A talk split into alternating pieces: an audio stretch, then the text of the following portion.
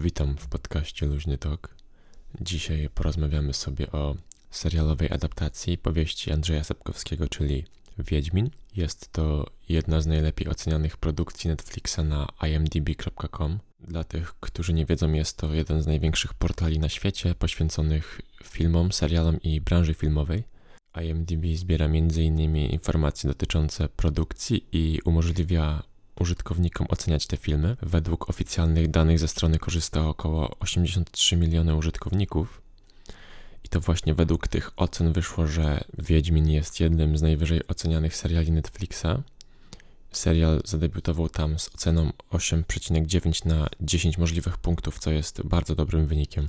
Według danych, które dostarcza nam Netflix, Wiedźmina obejrzało od dnia premiery, czyli 20 grudnia 2019 roku, około 76 milionów użytkowników na całym świecie i stanowi to około 45% klientów Netflixa. Według tych danych serial na podstawie powieści Andrzeja Sapkowskiego był najchętniej oglądanym serialem spośród wszystkich, które wyprodukował Netflix w 2019 roku. Jest to tylko jedno małe ale, a mianowicie to, w jaki sposób Netflix mierzył oglądalność serialu. Wśród wielu osób wywołało to kontrowersje z tego względu, że jako widza klasyfikowano osobę, która oglądała go przez minimum dwie minuty, co według wielu osób było zdecydowanie zbyt krótkim czasem. Ale wracając już do samego serialu, utwór, który został skomponowany specjalnie na jego potrzeby, czyli Toss a Coin to Your Witcher, cieszy się ogromną popularnością na całym świecie – a w samej Polsce angielska wersja tej piosenki tak przypada do gustu widzom, że zaproszono aktora wcielającego się w postać Jaskra na festiwal muzyczny Opener 2020 w Gdyni i samych zainteresowanych tą akcją jest już 75 tysięcy osób. Serial wywarł bardzo pozytywny wpływ na ogólne zainteresowanie się sagą Andrzeja Sapkowskiego. Możemy to zaobserwować m.in. po tym, że powieść Ostatnie Życzenie, czyli Pierwsza część cyklu wiedźmińskiego znalazła się na pierwszym miejscu w najlepiej sprzedających się książkach na Amazonie oraz trafiła również do czołowej piątki rankingu bestsellerów New York Timesa w kategorii fikcji. Doprowadziło to do tego, że egzemplarze po prostu się wyprzedały, a sam wydawca komentuje to w taki sposób. Popyt na wszystkie osiem książek serii wzrastał stopniowo w 2019 roku podczas oczekiwania na premierę serialu Netflixa – od jego udostępnienia notujemy fenomenalną sprzedaż wszystkich formatów druku, e-booków oraz audiobooków.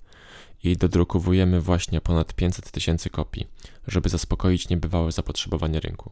Tłumaczy wydawnictwo Orbit Books. Wiele zyskało na tym również polskie studio gier, czyli CD Projekt Red, które stworzyło serię gier o Wiedźminie, i jedna z ich produkcji, czyli Wiedźmin 3 zanotowała nowy rekord, a mianowicie to, że w jednym momencie grało w nią 94,5 tysiąca osób, co daje wynik lepszy o 2000 osób niż w dniu premiery gry. Biorąc pod uwagę to, że Netflix planuje wypuścić kolejne parę sezonów serialu, myślę, że Wiedźmin 4 staje się teraz bardzo realny i jeśli Netflix nie zwolni tempa, to byłaby ogromna szansa na stworzenie najpopularniejszej gry wszechczasów. Mówiąc już o Netflixie, myślę, że możemy poruszyć temat dotyczący plotek o animowanej serii o Wiedźminie. I o dziwo wygląda na to, że okazały się prawdziwe, ponieważ Netflix planuje wydać to już w 2020 roku.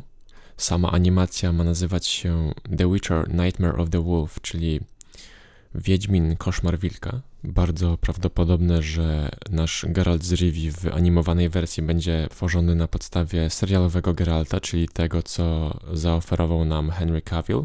I warto wspomnieć, że Cavill nie pojawił się na sporej części eventów, które promowały pierwszy sezon serialu. Być może dlatego, że właśnie był zajęty nagraniami do nadchodzącej animacji, która ma być fabularnie powiązana z serialem Netflixa. Dobrze, w takim razie tym newsem zakończymy dzisiejszy podcast. Jeśli się spodobało, to zapraszam do udostępnienia go znajomym i zapraszam również do dyskusji w komentarzach na blogu kamykword.pl. Dziękuję za odsłuchanie i do usłyszenia.